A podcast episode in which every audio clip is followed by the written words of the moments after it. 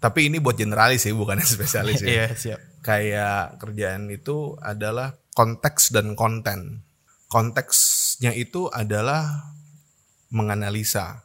Hmm, ya, benang gitu. merahnya itu. Benang merahnya itu menganalisa apa? Menganalisa kontennya. Pada saat kita bekerja berbagai industri, kontennya pasti berbeda karena tergantung dari industri tersebut. Kuncinya adalah kalau analisa lo cukup baik, apa ya? Mungkin bisa disebut apa? Critical thinking kah atau enggak structure thinking kayak gitu. Kalau itunya baik, sebenarnya kontennya harusnya bisa diabsorb gitu. Walaupun memang jadinya butuh waktu. Reunion Podcast.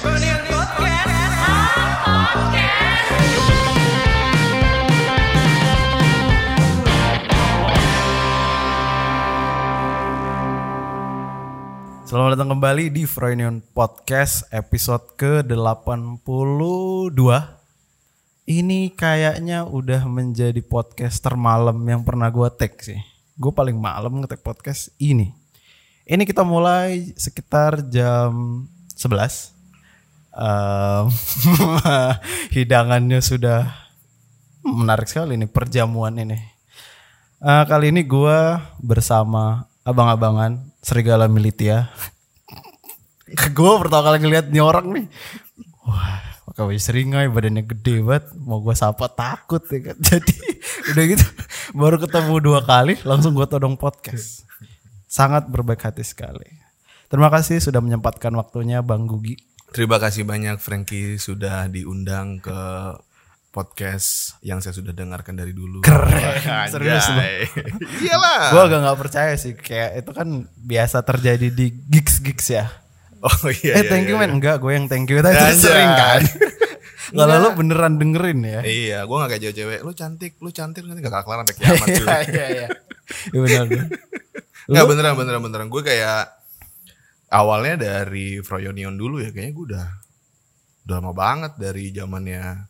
Ya gue bilang ya dari zamannya Ari J masih Israel. bareng iya sama Israel gitu. Dan pas lu mulai bikin podcast gitu ya gue coba coba dengerin juga Hmm. gitu. Apa episode pertama yang lu denger? Gue nggak inget nama judulnya apa, tapi kayak kalian masih rame-rame gitulah Hmm. Serius awal-awal lu gitu. yang bertiga itu? Iya, heeh, masih Gue malu rame-rame banget itu. lagi kalau dan dan ya pas masih rame-rame kayak gitu pas gue dengerinnya gitu oke ya nggak apa-apa emang masih awal pasti kan masih nyari bentukannya Iya. siapa yang ngum- siapa yang ngumpan Iya. siapa yang moderator gitu tapi ya Betul. gue dengerin dari zamannya itu sih Thank you, thank you bang. sama-sama Eh sekarang Bang Ugi, Bang Gugi nih gue ajak untuk ngobrol. Eh kayak apa aja ngobrol sama dia masih masuk sih. Ini gue tanya dari latar belakang pendidikan dulu lah.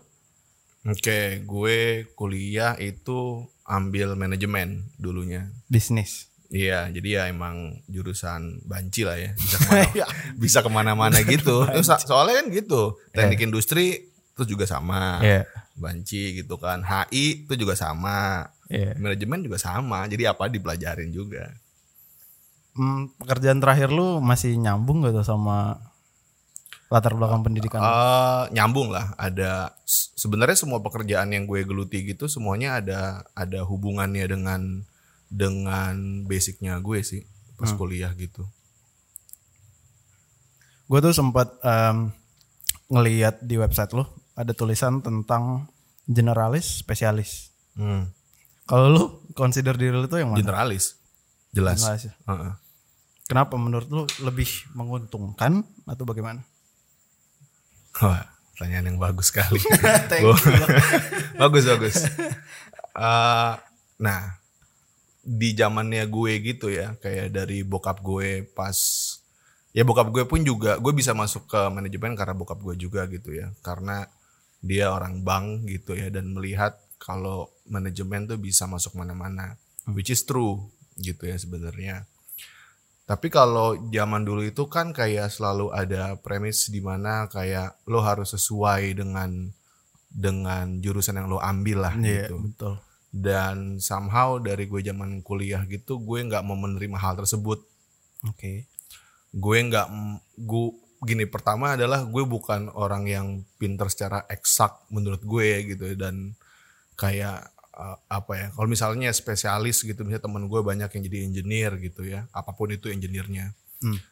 dan yang kedua adalah mungkin karena gue orangnya pengen tahu aja gitu tentang apa pun itu jadi gue punya punya keyakinan bahwa oke gue nanti kalau misalnya gue kerja gue pengen punya banyak apa ya skill set. skill set sama pengalaman di berbagai industri atau enggak pekerjaannya gitu. Jadi itu emang emang udah gua set secara secara mindsetnya gue dari zaman dulu kuliah gitu. Ya makanya gue mengambil bahwa gue ya gue generalis gitu. Hmm. Yang di mana nantinya secara karir gitu ya mudah-mudahan supaya gue bisa ngeliat bisnis itu dari helikopter view lah gitu karena gue pernah be- pernah bekerja di beberapa industri dan juga beberapa posisi gitu ya itu makanya kenapa gue consider gue sebagai generalis dan ya gue pengennya jadi jadi generalis sih sampai sekarang ya gue nggak tahu lah nanti mungkin 10 tahun lagi akan berbeda gitu Hmm. Lo kan tadi mention udah beberapa industri dan beberapa profesi yang lo pernah jalani. Mm-mm. Emang apa ya industrinya dan profesi? Oke. Pertama kali itu gue di Independent Financial Planning Company lah. Hmm. Karena itu perusahaan yang kecil gitu ya, jadi gue lumayan wah, multi job gitulah. Masuknya sebenarnya secara lowongan itu sebagai sales gitu. Oke. Eh, tapi di situ gue juga merangkap sebagai IT support karena Gi lo kan anak binus harusnya lo ngerti gitu katanya. Aneh. Iya, terus gue sebagai sosial media spesialis. Karena nggak ada yang megang sosial medianya, tapi berin main zaman dulu yang paling hype cuman Twitter doang. Oke. Jadi gue Twitter sama websitenya gitulah kayak ya gue megang itu dan gue pun juga sempat jadi sebutannya sebagai deputy financial planner lah. Jadi gue kayak asistennya financial plannernya gue gitu. Setelah itu gue pindah ke telco company sebagai bisnis analis eh yang di mana itu pun juga bukan hoki sih ya. Jadi somehow gue punya keyakinan pada saat gue jadi dikerja sebagai konsultan adalah kalau kerjaannya gue bangun, eh, sorry kerjaannya gue bagus banget, harusnya gue bisa di hijack sama klien gue sendiri. Oke. iya. Dan ternyata kejadian waktu itu. Jadi gue sebagai bisa analis di Indosat, eh gue perlu nyebutin Nggak apa-apa. nggak apa-apa ya, Eh, oke. Apa juga? Terus habis itu randomly gitu ya, dulu bos gue di kantor gue di advertising itu eh, ngelihat gue di LinkedIn dan gue di hire jadi business development di advertising company. Setelah advertising, habis itu sekarang gue pindah ke education technology sebagai business development juga gitu Yang terakhir ya. yang yang sekarang ini. Tapi mungkin perbedaannya adalah sebelum-sebelumnya gue belum pernah di perusahaan yang apa ya punya produk sendiri gitu lah ya. Hmm. Teknologi gitu, SaaS gitu ya, software as a service gitu. Jadi ini secara secara produk dan secara industri berbeda jauh walaupun tetap business development gitu. Tapi ya empat-empatnya industrinya beda-beda semuanya. Nah itu eh, yang biasanya agak ribet kan misalnya masuk industri baru tuh gagu ya. Kayak Ya. masih ngeraba-raba gitu kayak masih ngebelah hutan gitu loh. Setiap Ya. tahunnya banyak kan. Mm-mm. Berarti kan lu punya mentality yang nggak gue bisa ini belajar ini gitu. Hmm. Atau emang lu nyebur aja gitu. Nekat. Nah, somehow gue ketemu ada satu mindset gitu di kepala gue. Tapi ini buat generalis sih, bukan spesialis ya. Iya siap. Kayak kerjaan itu adalah profesi lah ya. Itu adalah konteks dan konten. Konteksnya dari pekerjaan, gue bisa bilang pekerjaan gue itu semuanya berhubung. Kalau misalnya di grouping tuh jadi business administration sebenarnya, gitu ya. Konteksnya itu adalah menganalisa Hmm, ya benang gitu. merahnya itu. Benang merahnya itu menganalisa apa? Menganalisa kontennya. Iya. Pada saat, pada saat kita bekerja berbagai industri, kontennya pasti berbeda karena tergantung dari industri tersebut. Betul. Jadi di kepala gue benang merahnya adalah konteks itu menganalisa. Kuncinya adalah kalau analisa lo cukup baik gitu, kayak apa ya? Mungkin bisa disebut apa? Critical thinking kah atau enggak structure thinking kayak gitu. Kalau itunya baik, sebenarnya kontennya harusnya bisa diabsorb gitu. Walaupun memang jadinya butuh waktu. Tapi satu hal gitu yang gue yakini karena gue orangnya apa ya pengen banyak tahu gitu jadi menurut gue kayak ya bisa kok gitu. Asal gue mau belajar aja. Emang berani berarti di awalnya. Karena Eh, banyak yang nggak berani nyebur, nggak berani ngelihat bahkan. iya kali ya. Ya ya mungkin sih beberapa teman gue pun juga seperti itu gitu. Kalau pindah nggak berani. Karena ya itu sih mungkin ya premis yang gue taruh adalah konteks dan konten tadi gitu. Konteksnya adalah menganalisa dan menurut gue karena nah gue mencoba untuk membantu diri gue develop pun juga dengan membaca gitu. Kayak apa yang terjadi di di lingkungan sekitar gitu ya. Nggak cuman hanya Di industri lo. di industri gue doang gitu. Iya, Bahkan kalau misalnya gue kerja di satu industri gitu pun juga gue pengen tahu apa yang terjadi di industri itu secara menyeluruh. Jadi nggak cuman yang fokus di kerjaannya gue doang gitu. Jadi menurut gue sih tadi ya konteks analisa tapi ya yang paling pentingnya adalah curiosity-nya itu sih yang harus dibangun. Apa? Kayak eh, curiosity-nya, kayak cara pengen Oh, taunya pengen gitu lah. ya. Mm-mm, karena menurut gue di zaman sekarang informasi banyak banget tapi sebenarnya akan jadi winner adalah siapa yang mau mengulik informasi itu kan siapa yang mau mengkurasi Ya, itu doang sih menurut gue kayak sebenarnya sesimpel itu sih premisnya kenapa kayak berani ke industri yang lain that's Iya. it lah gitu doang gitu Itu kalau mau gue tajemin lagi nih kalau boleh. Hmm. Itu lo dapat mentalitinya dari mana? wah bagus juga nih pertanyaan Karena soalnya itu kan based on apa? ya? Kalau gue misalnya, gue karena nggak ada opsi aja nih. oke Gue nyebur ke sana. Gue misalnya pekerjaan pertama gue kan fotografi, fotografer. ya Gue waktu itu cuman bisa moto aja, moto gedung aja. Ah, Nggak oke. bisa moto model, nggak bisa moto pakai softbox. tapi dulu bisa. gue pernah jadi freelance photographer loh buat event Nah itu. kerjaan freelance gue Nah itu kalau gue kan ya udah karena nggak ada ke apa ya, skill set lain, gue cuman bisa itu. Kuliah gue nggak beres, ya udah deh nyebur deh gitu. Kalau lu kan mungkin oke benang merahnya bisnis yang mana itu sesuai dengan latar belakang pendidikan lo. Lu punya mentality berani katakanlah mengkanker mengkanker hutan lain tuh gimana dari mana gitu. Oke, sebenarnya adalah ini berawal dari gue SMP lah. Jadi sedikit cerita, gue dulu tuh kecil di Merauke. Oh. Ya kan dari Sabang sampai Merauke. Ujung Ujung lah di, di ujungnya Indonesia lah. eh. Dan di mana secara pendidikan, secara informasi itu pasti sangat berbeda dengan di Jakarta gitu ya, di Jawa lah gitu. Lu sebutannya kalau orang Merauke ngomong lu mau ke Jakarta, oh lu pergi ke Jawa ya gitu. gue lumayan lama lah SD gue tinggal di sana lah. Dan secara background juga secara eh, apa ekonomi gitu ya keluarga kelas menengah biasa lah. Hmm. So gue masuk SMP ke SMP swasta gitu, SMP dan SMA swasta gitu. Mereka satu yayasan gitu yang di mana secara strata ekonominya mereka lebih tinggi dibandingkan gue. Oke. Itu jelas gitu ya, terlihat gitu. Dan dulu kayak bokap nyok- nyokap gue selalu kayak kasih tahu kalau selalu gue masih sampai sekarang adalah jangan ngeliat ke atas mulu, harus lihat ke bawah. Hmm, ya. Jadi gue menyadari bahwa gue nggak seberuntung mereka, gue nggak punya privilege kayak seperti mereka gitu. Kalau gue harus tanda kutip bertarung dengan mereka, gue harus ngasih apa? Apa skill set yang gue bisa, yang mereka enggak. yang mereka enggak? Iya. Yang gue pilih adalah pengetahuan, Oke. karena secara kreatif gitu ya, gue nggak gitu kreatif kreatif amat gitu. Kalau secara apa, misalnya ngomongin uh, pelajaran yang eksak gitu ya, gue juga nggak jago-jago banget. Tapi kalau ngomongin pengetahuan, itu mungkin bisa diadu.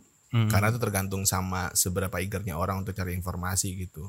Dan kalau ditariknya lagi gitu kayak pengetahuan adalah menurut gue tadi lebih ke arah makin banyaknya lo apa ya masukin referensi gitu di kepala lo masukin referensi di kepala lo itu adalah satu hal tapi bagaimana tapi bagaimana cara apa ya bahasanya ya kayak mengaplikasikannya gitu ya atau enggak menganalisa dari referensi tersebut jadi akhirnya jadi suatu aksi lah gitu kurang lebih lah Hmm.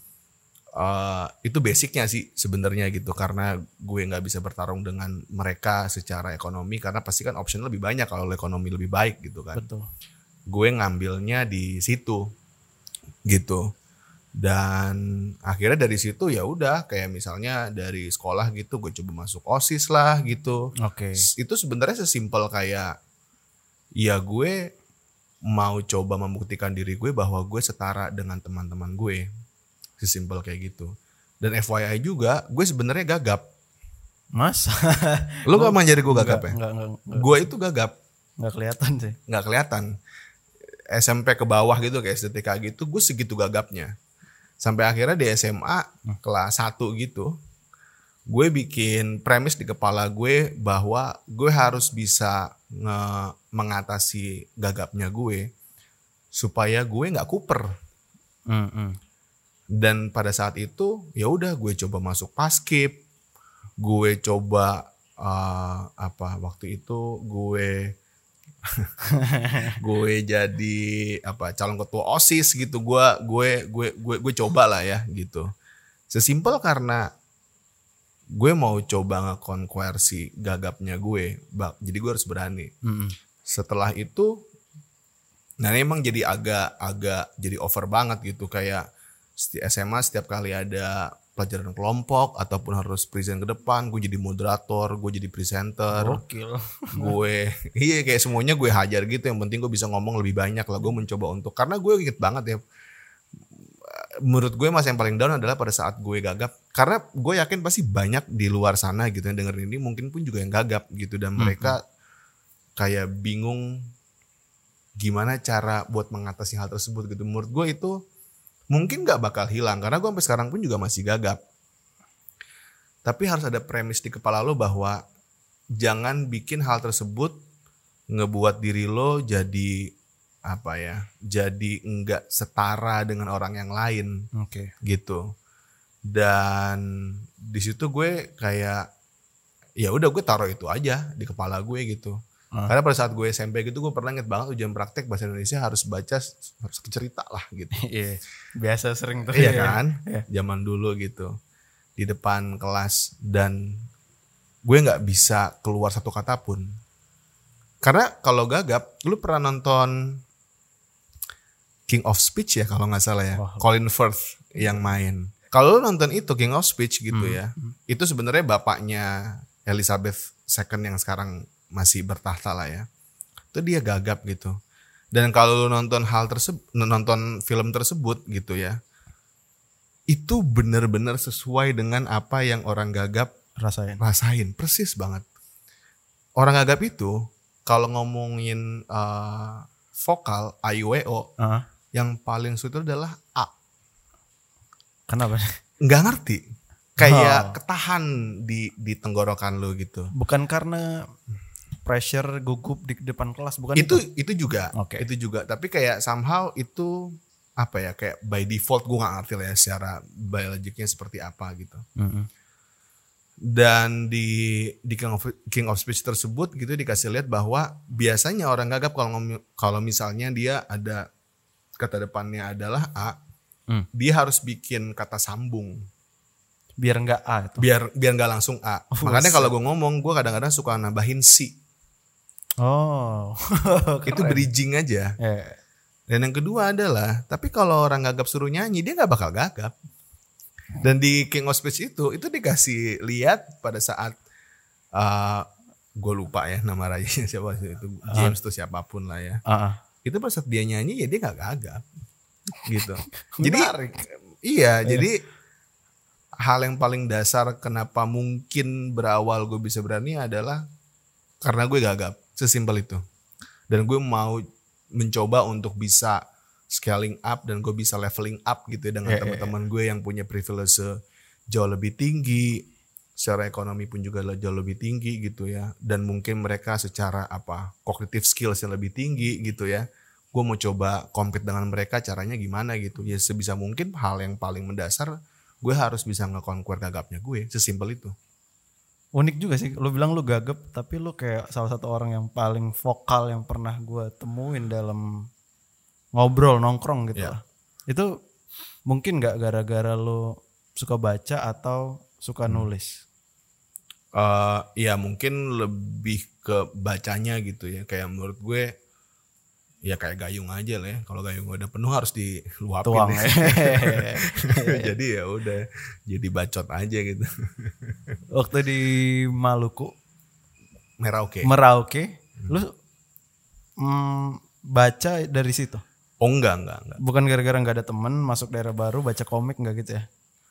Eh kalau waktu pas di sana sih sebenarnya gue sama sekali kayaknya sama sekali nggak baca apa pun ya. Ya mungkin kalau komik pun juga kalau misalnya gue balik ke Jakarta gue Baru beli gitu ya. Cuman kayak gue nggak yang apa ya kayak yang emang rutin beli baca. banyak gitu. gitu enggak sih sama sekali sih. Gue lebih banyak main PS zaman dulu gitu lebih banyak main games. Jadi kayak enggak dari situ sih.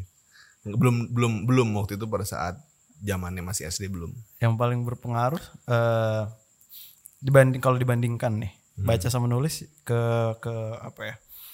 Ke art apa ya? Ke kita bisa lebih baca tuh menurut lo apa?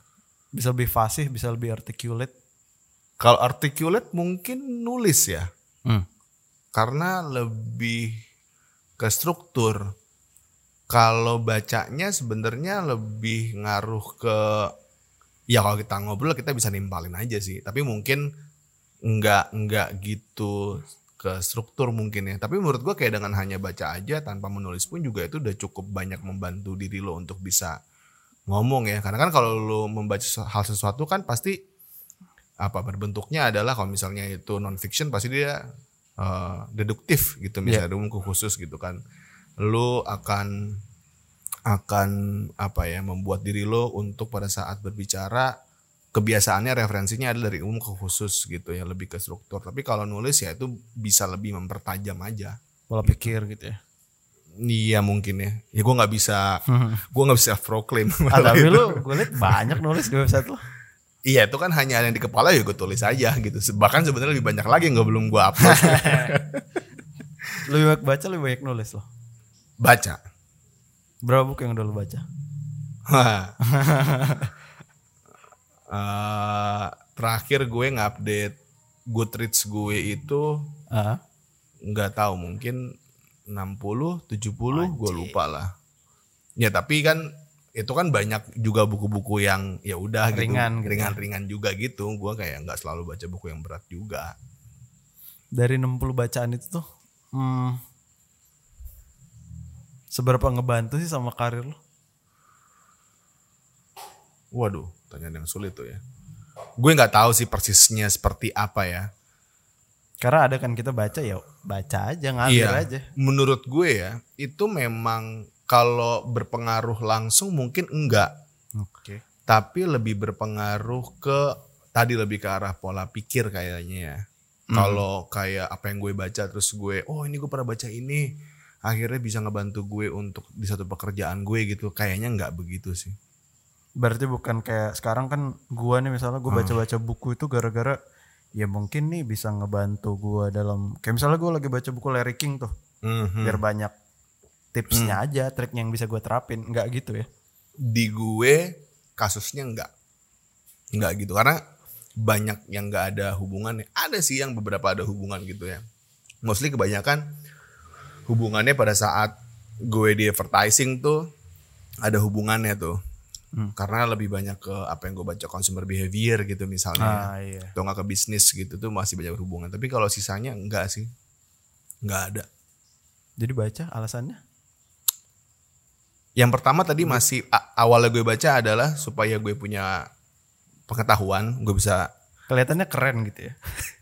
enggak, wah, gue enggak menganggap itu keren sih. Oh iya? Ah, gue lebih ke kayaknya itu ini gue nggak tahu ya bahasanya kayak apakah ini klise atau gimana, tapi kayak menurut gue sebagai manusia kayaknya itu mandatory task lo aja gitu buat baca.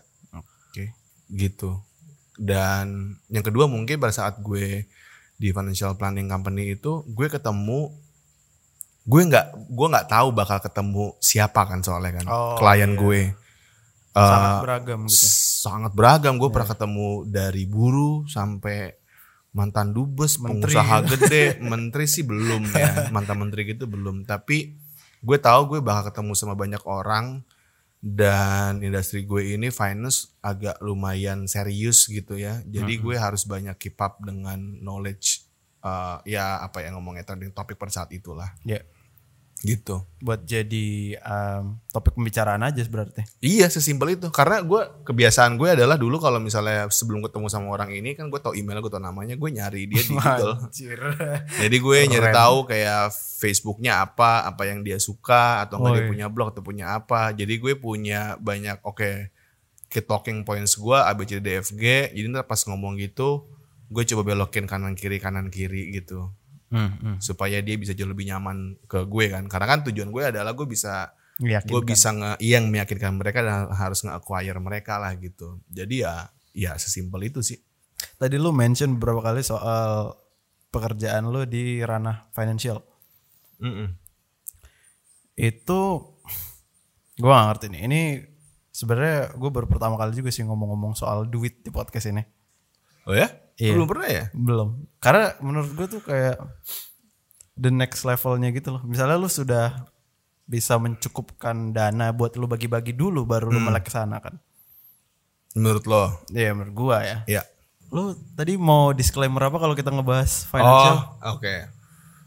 A- Oke, disclaimernya adalah yang pertama apa yang gue bilang itu bukan bermaksud gue merekomendasikan suatu produk Oke. Satu hal dan yang kedua adalah gue tidak mempunyai sertifikasi apa financial planner atau nggak financial advisor atau apa pun itulah ya gitu ya gue hanya sesimpel gue pernah bekerja aja di sana that's it gitu jadi ya apa yang gue omongin itu hanya opini pribadi gue aja Siap. gitu Nih nih, gue gue paling penasaran ini sebenarnya dari dulu. Ini gue ada gaji 100%. hmm. ini dibagi ke mana-mana nih biar Ya. idealnya karena gue nih kalau di umuran gue, Hmm. lu kasih tau dulu umur lu berapa umur gue 26 nih. oke Jadi 24 25 kemarin tadi masih eh 23 24 tuh masih ya cukup aja gitu. Ya. Kalau sekarang udah mulai bisa dibagi nih. ya nah itu idealnya gimana sih? Gue pernah lihat di mana-mana ada yang oh entertainnya tuh 10% aja. Oh eh, buat biaya kewajibannya berapa persen aja. Nah itu ideal tuh gimana sih? Oke, sebenarnya semuanya hanya rule of thumb, bukan suatu hal yang saklek yang harus lo ikutin. Suatu hal tuh. Baik. Tapi yang pasti yang harus dipegang adalah kalau dari sisi bank gitu ya, pada saat lo mau minjem sesuatu, ya itu KPR, KT atau apa pun kayak gitu, dia akan melihat lo dari mutasi eh, rekening, Rekening. lo, Iya. apakah lo punya 30% dari gaji lo itu yang free kasarnya gitulah, yang memang nggak terpakai. Hmm, Jadi maksimalnya ada 30 bahkan sampai 35% biasanya bank. Makanya kalau lo misalnya mau beli rumah gitu harus ngasih mutasi rekening 3 bulan atau enggak sampai 6 bulan gitu untuk melihat mutasi rekening lo lah gitu. siap. Itu satu hal gitu 30%. Dan kalau misalnya untuk apa nabung investasi gitu ya rule of thumb-nya sebenarnya seminimal mungkin 10%. Tapi baik lagi tuh rule of thumb lah ya. Iya. Jadi 40% tuh untuk eh, cicilan, 30% maksimal, 10% minimal untuk investasi nggak menabung, sisa 60%. Hmm. 60% itu ya terserah lo, lo mau bagi-bagi diapain gitu. mau diapain gitu. Tapi ya itu balik lagi ya, itu kan hanya rule of thumb aja ya ujung-ujungnya ya. Karena kan yang tahu keadaan lo cuma diri lo sendiri. Betul. Jadi eh, nggak ada yang pasti gitu harus berapa. Yang pasti cuman yang bank aja. Gue di kepala gue selalu kayak gitu sih. Eh, Di bank itu 30% kalau lo harus nyicil sesuatu. Jadi gue selalu mikir adalah kalau nantinya eh, gue akan punya rumah gitu ya. eh, minimal 30% itu gue nggak kepake gitu. Misalnya, oke dari sekarang biaya bulanan. Eh dari Bulanan. salary bulanan. gitu. bulanan. Oke. Misalnya sekarang lo masih single, lo bisa nyimpan 50% misalnya gitu ya. Tapi kalau sampai menikah belum punya anak, belum punya anak, 30% tersebut harus tetap bisa disisihin tuh. Yang tadinya mungkin misalnya nabung tapi ujung-ujungnya akan jadi eh, cicilan gitu. Iya. Tapi kan logikanya gini, kalau nanti misalnya lo menikah belum punya anak gitu ya. eh, lo mau lo mau beli rumah gitu. Hmm. Terus lo nyicil misalnya 30%. Lo biasanya eh, menabung atau nggak berinvestasi, berinvestasi emang 30% gitu kan. Karena 70%-nya buat hidup lo aja lah buat lifestyle, buat bantu orang tua atau apa pun kayak gitu ya. Lah kalau 30 persennya cuman buat misalnya akhirnya habis buat uh, kredit gitu, terus lo nggak bisa nabung dong. Iya. Nextnya apa? Either lo nyari uh, pendapatan tambahan atau lo Pinjol. goblok. Iya, nextnya adalah ya harus nyari gaji yang lebih gede kan. Iya, iya, iya. Jadi di kepala gue, ini preferensinya gue adalah Iya, ya, iya, iya. kebutuhan hidup gue apa pun itu harus maksimal 50% Oke. gitu. Tapi itu preferensinya gue dengan keadaan hidupnya gue. Betul. Semua orang berbeda-beda. Balik lagi nih, hanya rule of thumb. Bukan suatu hal yang saklek lo harus ikuti karena akan berbalik lagi dengan kebutuhan hidup lo. Gitu.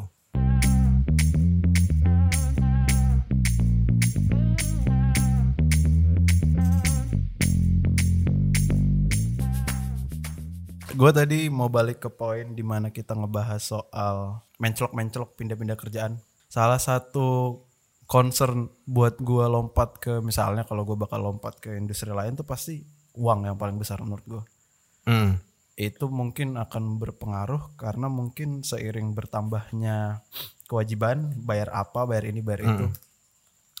eh kalau misalnya nih idealnya gue pindah ke industri lain yang paling ya yang paling idealnya tuh hitung-hitungannya gimana sih misalnya biar gue punya bekal buat negosiasi ke ke HR yang lain gitu Oke.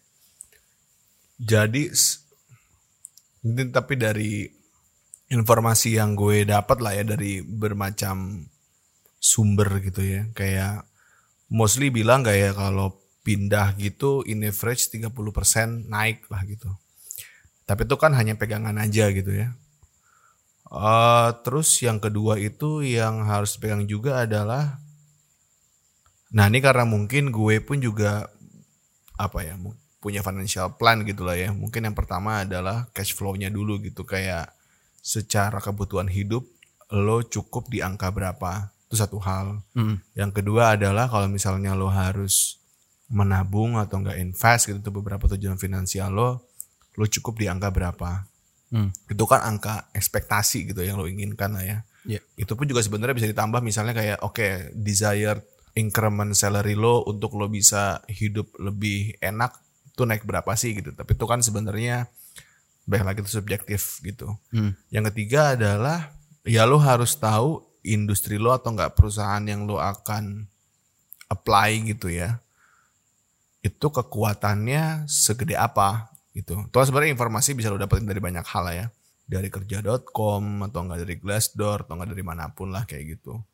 Menurut gue kayak hal tiga tersebut tuh hal yang paling basic yang harus lo ketahui terlebih dahulu gitu. Karena kadang orang tuh lupa gitu ya kalau misalnya kita bekerja gitu ya mau pindah ke satu perusahaan kita kan sebenarnya kalau di bursa tenaga kerja kita adalah komoditas perusahaan adalah ya employer gitu ya yang emang membutuhkan pekerjaannya kita gitu yang di mana sebenarnya secara bargaining power harusnya equal Ya. gitu walaupun mungkin di kejadian aslinya ya oh kalau lu dulunya misalnya kerja di perusahaan yang nggak terlalu bergengsi mau pindah ke bergengsi gitu ya HR-nya mungkin akan bisa apa Neken ya. menekan lo gitu ya, mengintimidasi lo bahwa dia akan menjual tentang lo akan dapat exposure dari global uh, dari global company, company. company lah bullshit uh, ABCDFG lah ya. Iya. Menurut gue sih kayak tentu tergantung lo juga gitu. Tapi menurut gue tiga hal tersebut bisa jadi pegangan lo gitu. Mm-mm. Bahkan sebenarnya kalau lo mau nego pun juga lo bisa nego lo melihat ada gap nggak nih dari benefit yang lo dapatkan di perusahaan sebelumnya dengan perusahaan yang baru ini. Misal hal yang pertama adalah cuti gitu.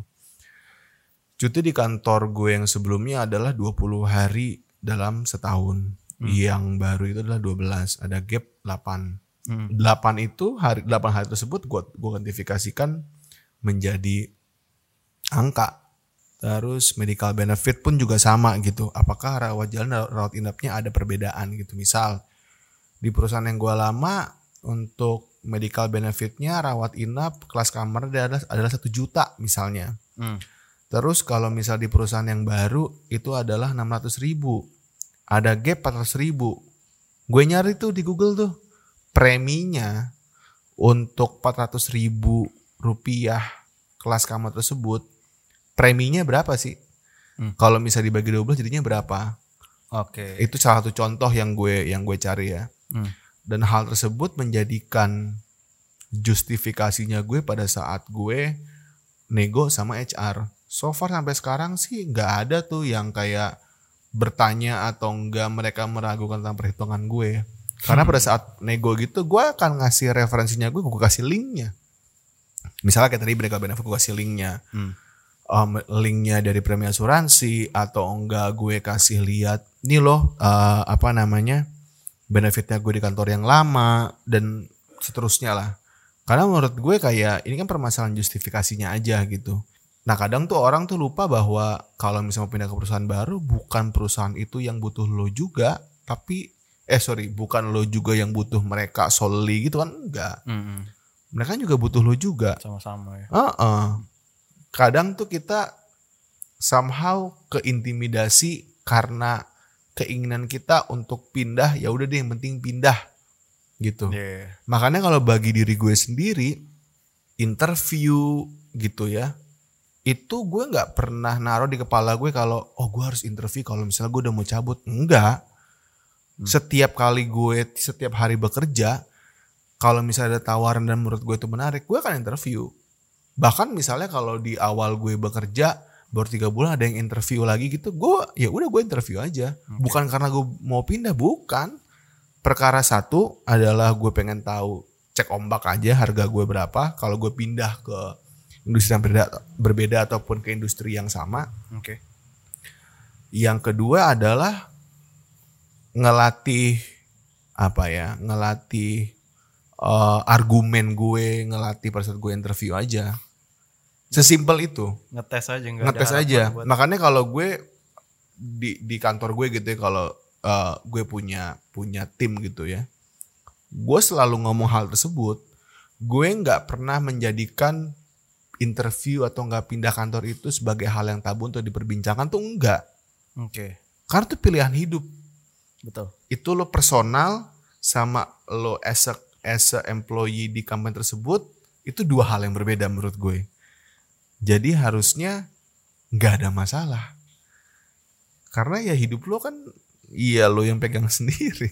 Dan itu faktor paling ya salah satu yang paling penting juga finansial kan. iya betul, salah satunya ya gitu ya. Walaupun kayak eh, banyak gue ketemu gitu ya pada saat gue interview kayak ada yang mau ngurangin gajinya gitu untuk bisa kerja di perusahaan uh, gue gitu misalnya gitu ya. Iya. Sesimpel karena mereka emang suka sama culture-nya atau enggak percaya dengan produknya gitu dan itu hal yang wajar kan di dunia industri apa bursa kerja lah gitu kasarnya. Kayak kadang-kadang pun juga sebagai employer suka lupa bahwa daya jual lo nggak cuman nggak cuman gaji lo atau enggak nggak cuman nama lo doang gitu tapi culture pun juga atau enggak kesempatan secara apa learning development Nah, ya. itu hal yang penting juga lo yang harus dijual Betul.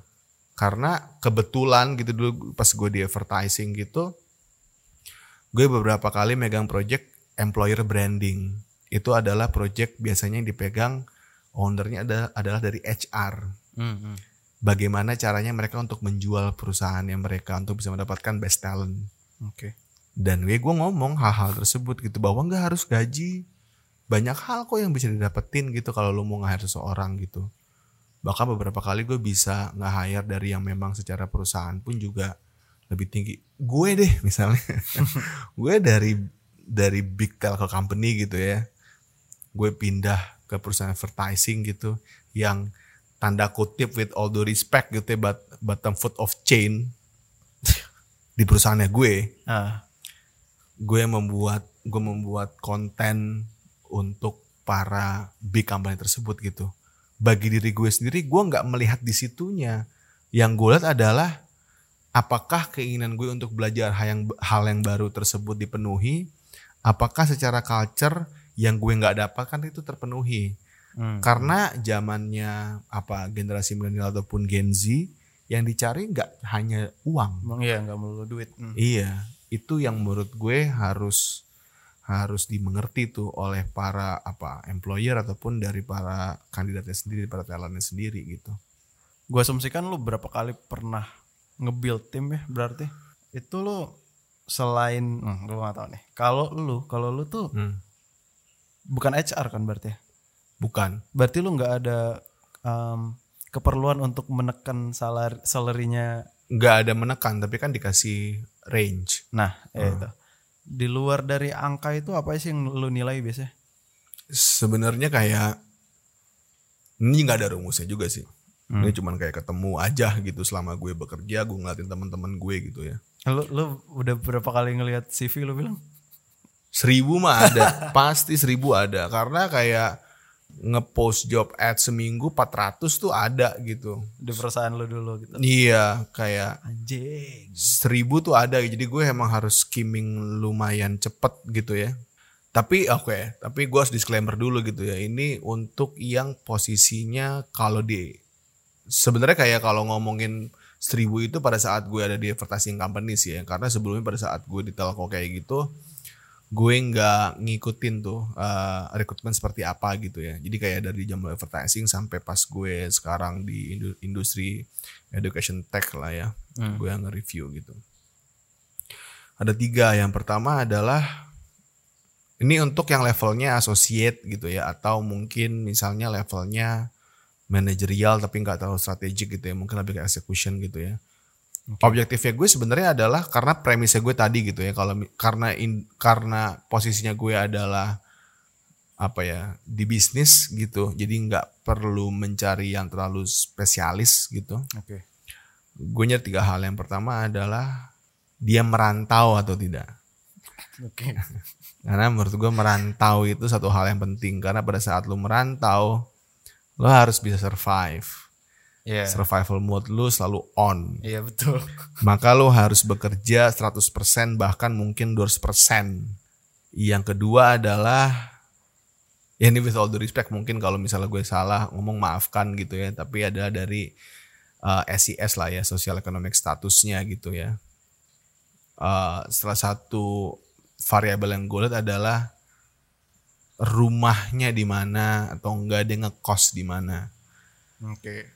Ya mungkin itu nggak bisa 100% benar gitu ya secara penilaian tapi itu hal yang paling mudah yang bisa gue lihat lah gitu Jadi pertimbangan lah itu. jadi pertimbangan banget gitu eh yang ketiga adalah kalau misal dia masih di Jakarta gitu ya sejauh apa rumahnya Ke kantor. ke kantor gue di mana karena kalau lu terbiasa misal rumah lu jauh ya let's say misalnya Jakarta Timur Bekasi ataupun lebih jauh gitu ya Hmm. lu terbiasa untuk bangun pagi lu terbiasa untuk disiplin lu terbiasa untuk strive menghadapi seberapa macetnya seberapa hujan dan lu malesnya Ya, ya. atau enggak banjir mau selutut pancoran Lebih taktis lah ya. iya Panjang tuh dipikirin. panjang. Orang-orang tersebut yang minimal satu dari tiga hal tersebut mereka bisa penuhi, gue akan consider. Gokil. Lucu juga. Iya sesimpel itu gitu dan sampai sekarang alhamdulillah itu masih benar sih Itu di works gue ya? di Itu gue di gue ya Oke, itu oke. itu itu masih masih ternyata masih masih works lah gitu Justru itu ya, gue gua pikir biasanya yang jadi pertimbangan itu attitude, ya taste, ya itu gitulah. Sama Hmm. ya ini yang paling terakhir sih. Em, IPK latar belakang oh IPK gue gak pernah lihat cuy nah ini, ini salah satu fun fact ya Ah, ini tanpa Lu- menyindir suatu pihak tertentu gitu ya ya. Eh, tapi IPK ini, nah tapi ini mungkin jadi bias juga karena selama gue bekerja IPK gue selalu paling rendah kalau dibandingin sama teman-teman setim gue. Oke. jadi gue punya pemikiran bahwa IPK lo nggak harus tinggi-tinggi banget lah. Tapi gue sangat mewajarkan pada saat misalnya perusahaan besar melihat IPK. Kenapa? Karena itu variabel yang paling mudah untuk dilihat. Setuju. Kalau kalau variabel IPK tersebut dilihat misalnya minimal 3, minimal lo orangnya disiplin dan lo persisten untuk mengejar angka tersebut. Tapi kebetulan di kantor gue gue punya keluasan untuk memilih kan. Nah, Kan pasti banyak orang-orang yang kayak gue. yang IPK-nya nggak terlalu tinggi. Jadi gue nggak ngelihat eh, secara IPK Oke. gitu ya. Karena gue ngeliatnya adalah oke mungkin IPK lo rendah tapi mungkin lo punya hal yang lain lo bisa yang lo bisa miliki gitu. Mungkin IPK lo rendah karena ABCDFG lah kayak Iya. gitu ya. Iya. Jadi menurut gue kayak ada banyak hal yang di mana mungkin pas sama aja deh kayak lo, SMA mungkin lo nggak gitu perform, tapi pas kuliah lo bisa perform karena lo bisa lebih bisa milih gitu ya. Betul. Begitupun juga pas pekerjaan. Mungkin di kuliah atau nggak SMA lo belum ketemu pas lo kul pada saat lo bekerja lo mungkin menemukan forte lo di mana Forte. gitu. Dan menurut gue kayak eh ya mungkin nggak semua perusahaan gitu ya bisa menemukan orang-orang kayak oh mungkin secara by paper gitu ya by papernya CV-nya nggak gitu oke. Tapi padahal sebenarnya secara pekerjaan Oke juga ya. eagernessnya dia sebenarnya oke gitu ya. Itu bisa jadi gitu ya. Bahkan gue pernah interview salah satu tim gue gitu ya.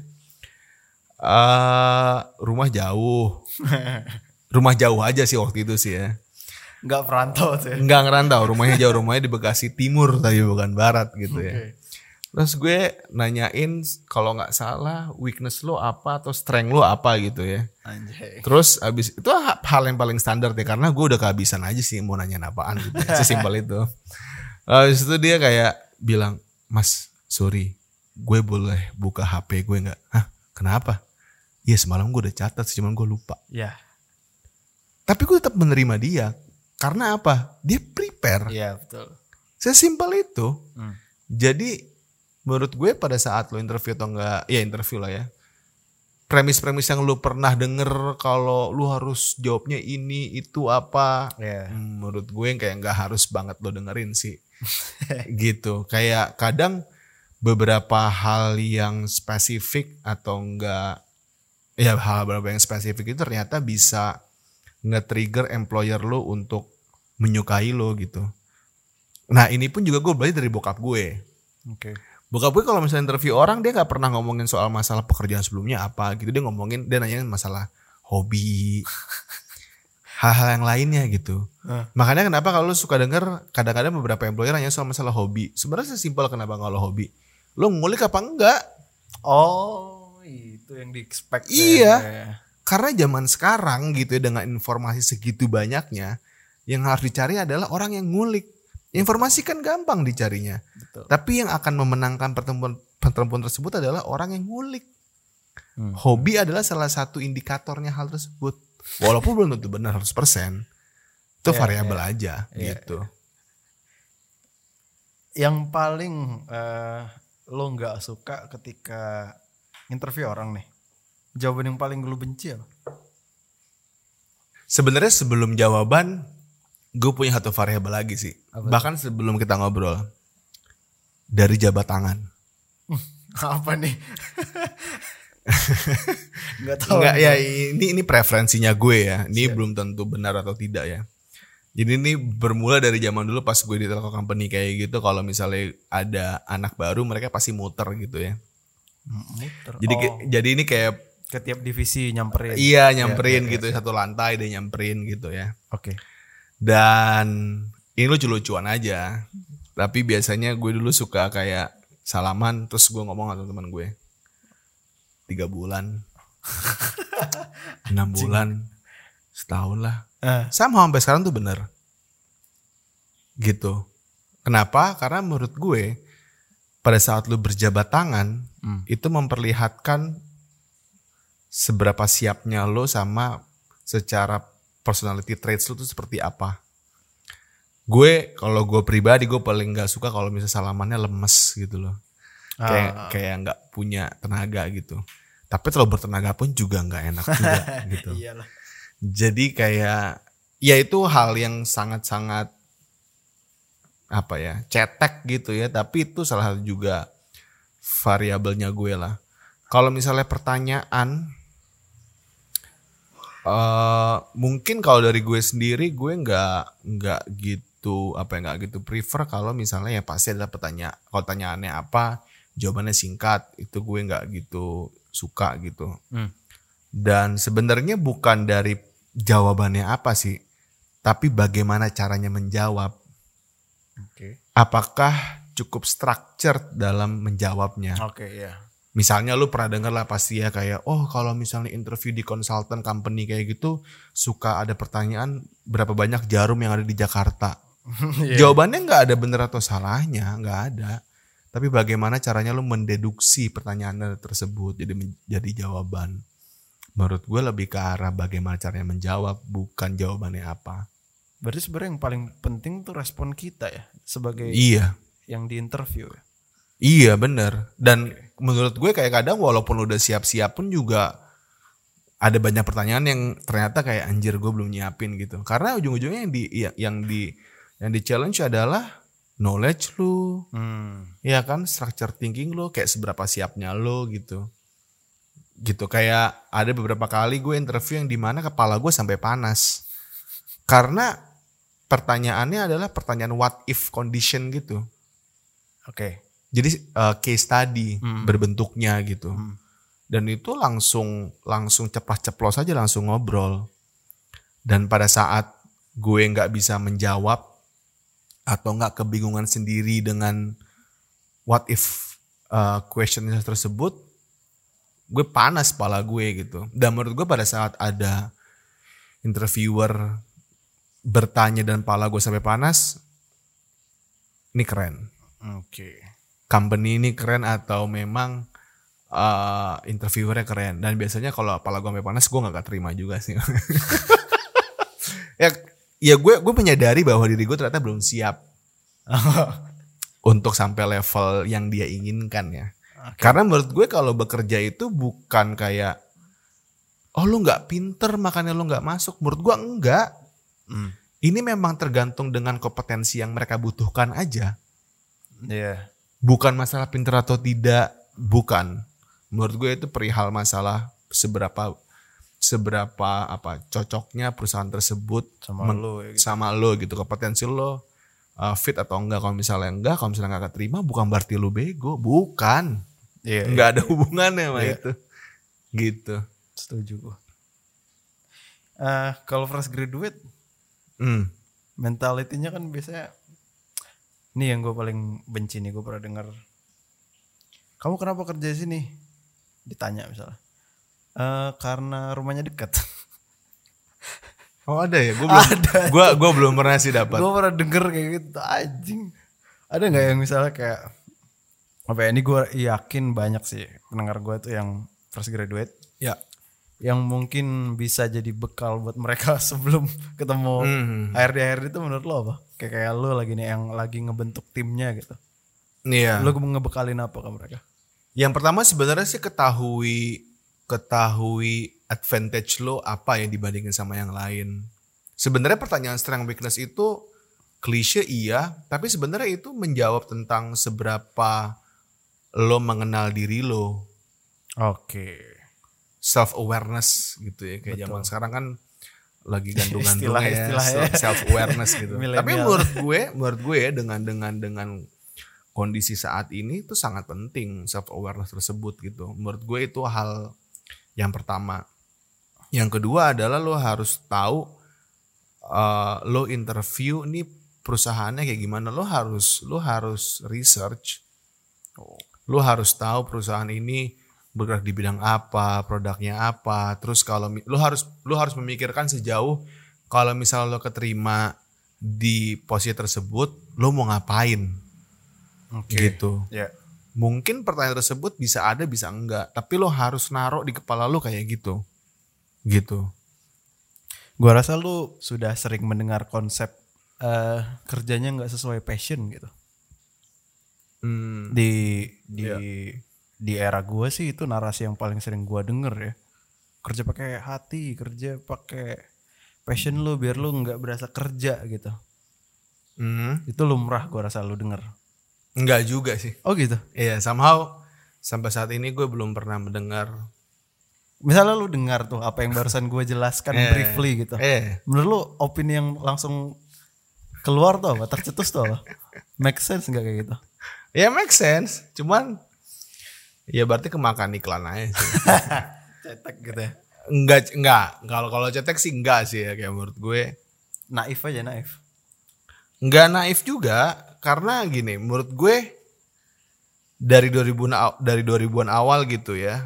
Ini ini mungkin agak lebih ke belakang gue ngasih konteksnya gitu kayak menurut gue banyak yang yang pioneer adalah perusahaan rokok lah ya.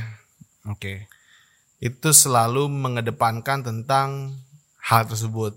Hmm. Berawalnya bukan passion lah, kayak be yourself Iya. gitu ya kayak kayak lu harus rebel gitu. Iya, breakthrough anak muda. breakthrough ya. gitu. Kayak menurut gue hal ini pun juga sebenarnya dilakukan sama Apple tahun 80-an pada saat mereka mengeluarkan Macintosh gitu ya. Ini sedikit fun fact gitu. Oke. Salah satu iklan yang paling terkenal pada saat Macintosh itu pada saat Super Bowl tahun gue gak tahu ya 80 berapa lah ya. Hmm. Mereka mengeluarkan Macintosh itu itu eh, Steve Jobs itu berdasarkan dari novelnya George Orwell 1984 gitu ya tentang ya suatu ceritanya adalah suatu negara yang totalitarian gitu yang di mana kayak ada orang yang apa ya mendobrak gitu yang rebel gitu lah ya Hmm. yang nggak sesuai dengan kaidah-kaidah yang dia percaya gitu dan akhirnya disambungkan dengan uh, message yang disampaikan oleh perusahaan-perusahaan rokok gitu di Indonesia menurut gue awalnya itu tahun 2000-an tuh dari situ Oke. dan tahun 2010-an awal gitu digaungkan lagi dengan berbagai banyaknya media atau enggak karir coach, motivator dan lain-lainnya. Konten kreator juga sih. Konten Salah satunya. kreator iyalah hal-hal tersebut lah gitu. Salah atau enggak? Enggak menurut gue. Itu adalah pilihan preferensinya orang-orang aja. Nah, lucunya adalah gue banyak baca beberapa studi gitu ya tentang masalah kenapa orang mau bekerja di satu perusahaan. Bahkan sebenarnya skripsi gue pun juga tentang hal tersebut gitu ya Judulnya apa? pengaruh budaya organisasi dan kepemimpinan terhadap motivasi kerja karyawan di PTX. Oke. Analisa Gitu. berarti. Iya, kok kok kuantitatif ya tapi ya. Hmm. Kuantitatif gue pakai standar lah regresi linear doang. Kalau zaman sekarang mungkin regresi linear nggak di approve sama dospem ya. Iya. Nggak mungkin. Minimal berganda mungkin atau nggak sem lah ya. Ya intinya Hmm. di mana kayak top 3-nya itu nggak ada nggak ada hubungannya sama gaji orang bekerja itu. Hubungannya sama culture-nya chance untuk learning development-nya chance-nya untuk bisa uh, naik pangkat dapat challenge dan lain-lain. ya. betul. Gaji itu tuh top 10 gitu di bawah 5 nggak top 5 nggak top 3 bahkan gitu. Dan menurut gue pada saat makin lama makin sekarang gitu Gen Z gitu kita bisa lihat average tenurnya orang bekerja itu mungkin satu tahun bisa pindah ke tempat yang lain gitu. Angkatannya gue mungkin lebih lebih agak lama gitu dua tahun tiga tahun baru pindah gitu. Bahkan gue sendiri pun juga dulu punya premis di mana kalau bekerja di satu perusahaan itu minimal tiga tahun. Karena? Nah, karena di dua pekerjaan gue pertama tuh tiga tahun tuh setiap pas banget tiga tahun. Setahun itu adalah lo mencari tahu tentang pekerjaan lo itu ngapain sih. ya, ya. Tahun kedua lo akan belajar tentang semua skenario di pekerjaan lo itu seperti apa. A B C D F G gitu. Hmm. Kalau gini gini, kalau gini gini. Betul, dari best sampai worst. Tahun ketiga mungkin lo akan hatam, mungkin Hmm. tergantung sama pekerjaan lo seperti apa. Tahun keempat ini bisa jadi dua, mungkin lo bosen atau lo mencari gimana nih breakthrough-nya dari pekerjaan gue supaya bisa jauh lebih efektif dan lain-lainnya hal lah ya. Jadi itu dulu gue punya premis seperti itu tiga tahun bekerja tuh kayak udah yang paling top lah gitu. Tapi kalau anak-anak zaman sekarang Gen Z kayak gitu mungkin satu tahun tuh udah kayak bosen ngerjain yang suatu hal yang repetitif tuh makin bosen. Tapi sebenarnya hal yang repetitif tersebut itu sebenarnya ngasih lo pelajaran hal yang banyak gitu. Mempengaruhi dari masalah memori lo. Kalau misalnya ada pekerjaan ini lo tahu lo mau ngapain. Oh iya iya. Terus berpengaruh terhadap tentang selain respons adalah mempengaruhi lo tentang apa eh, tanda kutip berpolitik dengan tim yang lain. Berpolitik. Hmm. Iya, berpolitik dengan gini. Kadang-kadang orang mikir kalau misalnya dengan kata politik adalah pasti akan pemerintahan dan lain-lain ya. Tapi sebenarnya hal yang simpel pada saat lu berteman pun juga lu kan berpolitik gitu. Lu lebih kubu ke mana? Lu berteman di, lu berteman dengan yang kelompok yang A karena apa, yang B karena apa gitu. Dan begitu pun juga dengan bekerja.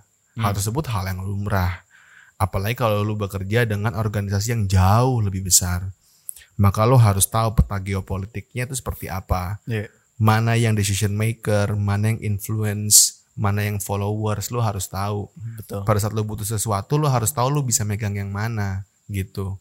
Menurut gua hal-hal yang tersebut kadang anak-anak yang baru mulai bekerja gitu ya, kadang melupakan hal tersebut. Menurut gue itu hal yang penting. Lu harus tahu. Lu pada saat di perusahaan tersebut, lu siapa, Hmm.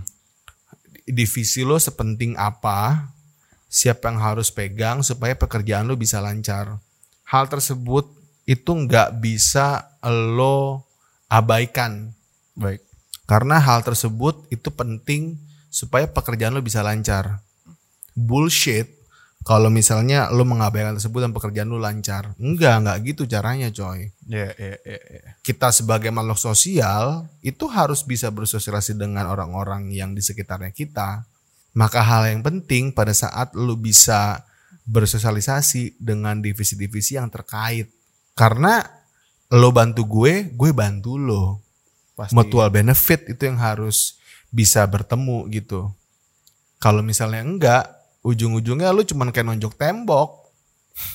iya kan? Iya, iya. lu nggak pernah kenal orangnya, lu berharap kayak oh ini kan job desk-nya dia harusnya dia kerjain gitu. Tapi kan bisa juga orangnya nggak berpikiran seperti itu. Iya, iya. Bisa jadi memang pekerjaannya dia secara scope of work nggak ngebantu lo. Lo cuma emang butuh bantuan dia doang. Kalau lo nggak pernah kenal, lo nggak pernah nongkrong bareng, nggak ngapain gue gue ngapain gue bantuin lo. Iya, iya benar. Kadang-kadang tuh suka lupa hal-hal kayak gitu. Tapi itu hal yang penting. Gitu jangan lupa lo bisa lo mempelajari secara bisnis proses. Balik lagi tadi siapa kayak first circle lo gitu ya. Circle dari pekerjaan lo, siapa divisi yang lo berhubungan. Hmm. Circle keduanya seperti apa. Kan lo harus mengetahui decision makernya siapa, influence-nya siapa, siapa followersnya lo, lo harus tahu gitu.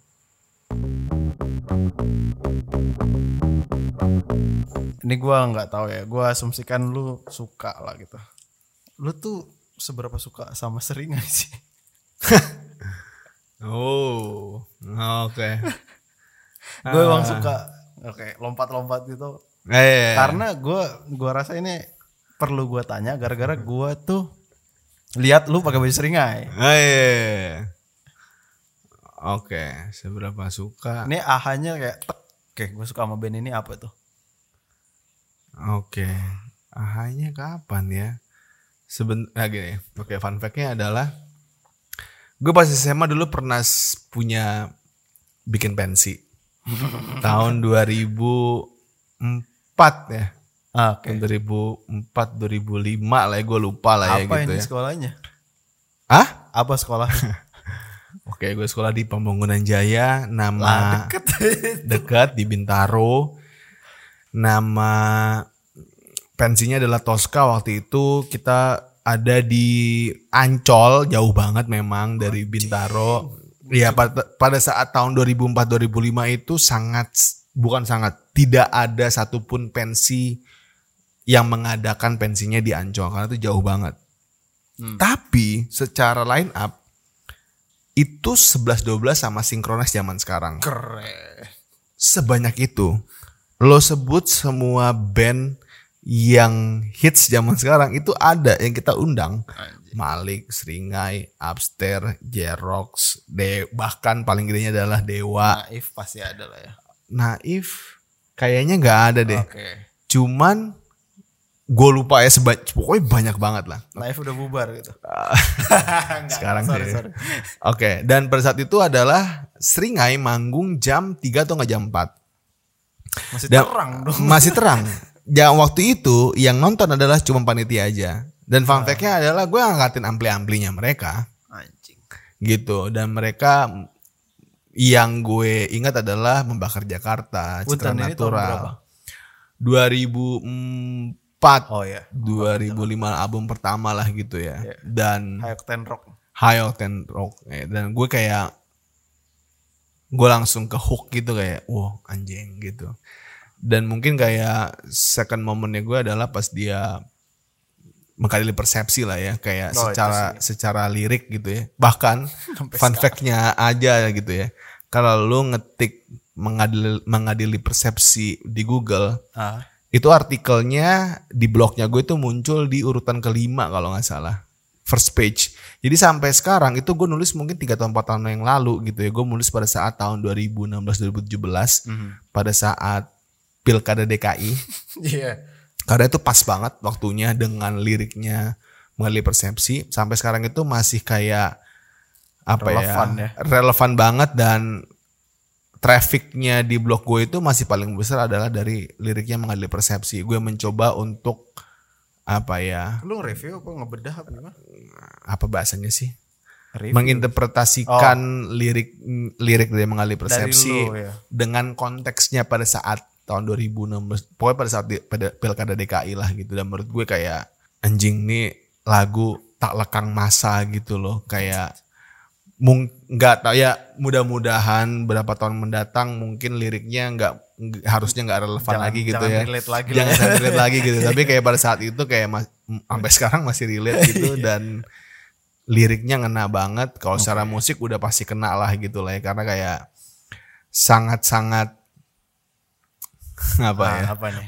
memacu makanya kayak gue suka dengan adrenalin merusuh karena menurut gue lagunya Seringai dari dulu sampai sekarang itu memang merusuhkan adrenalinnya kita Betul. lu nggak mungkin nonton Seringai live lu nggak mosing tuh nggak mungkin kalau misalnya nggak mosing ya mungkin lu takut lu Atau konser capek bawaan. lu kos iya lu Copet. bawaan copet makanya gue selalu pada saat kalau lagi Seringai live gue selalu bawa tas kecil gue mosing kacamata dompet gue baru gue mosing Berarti yang ngehook lirik.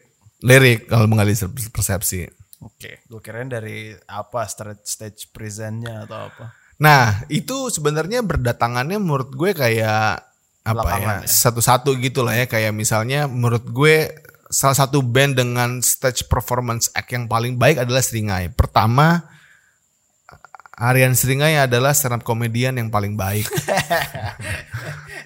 Apalagi kalau lo kalau lo nonton uh, stage-nya dia pada saat di Ed Amerika, Oh, yang di YouTube masih ada tuh. yang itu sekarang. masih ada yang di mana penontonnya pada cupu semua gue bisa bilang cupu karena mereka nggak nggak nggak mosing nggak turun ya. nggak turun menurut gue kayak itu hal yang paling lucu dan pada saat kalau nonton Seringai adalah yang lo harapkan adalah celutukan dari Aryan, Aryan, gitu iya. itu satu hal gitu yang kedua adalah dari musiknya yang adrenalin merusuh dopamin lo nggak mungkin nggak naik coy nonton dia lo harus gerak bahkan pada saat gue ngomong ini gue pengen gerak gitu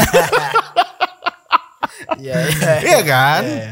Kayak enggak enggak apa namanya? enggak enggak sah kalau Nggak sah. misalnya lu nonton Seringai, lu nggak nonton live dan lu nggak moshing gitu. Oke, ini sebelum gue tutup ini ini pertanyaan gue yang terakhir. Ya. Eh album Seringai yang paling bagus menurut yang mana? Oke. Nah ini pembicaraannya akan berlangsung off the record, cuman kita tetap pakai ini aja. Oke. Gue sebenarnya lebih suka taring, Oh, cuman secara sound quality itu lebih baik album seperti api. ya iya dong. secara quality. iya. Tapi, nah tapinya juga, i, i- i- ya ini bukan pembenaran terhadap terhadap argumennya gue yang tadi gue uh, omongin, tapi lebih ke arah gue amazed dengan Seringai yang sudah berapa 2004 sudah 17 tahun gitu yang ada di industri ini tapi mereka bisa mengeluarkan album yang baru seperti api tapi spiritnya masih sama Iya, betul. sangat-sangat sedikit band yang bisa punya spirit yang sama tuh Segitu anjing lamanya dikit gila cuy. Iya, iya, iya. Dan gue masih ingat alasan seringnya kenapa masih bisa sampai selama ini karena mungkin ya gue nggak tahu ya tapi kayak satu hal yang mereka ngomongnya adalah karena mereka nggak cari duit dari ngeband Iya, setuju gua. Idealismenya nggak kegeser-geser tuh. itu dia menurut gue kayak musik itu Ah, oke. masih sebagai hobi musik itu masih sebagai passion di Indonesia saat ini Iya. yang di mana ya lo masih harus nyari sampingan supaya lo bisa hidup supaya musikalitas lo tidak terganggu. Mungkin itu yang bisa lo terapkan juga. Menulis itu di samping aja. Jadi idealisme yang nggak boleh digoyangkan gitu. Betul, itu bukan suatu hal yang harus dikejar deadline. Mantap. Saya oke oke. Em, untuk membungkus, gue tahu pembicaraan ini eh, obrolan kita dari tadi sangat menclok-menclok.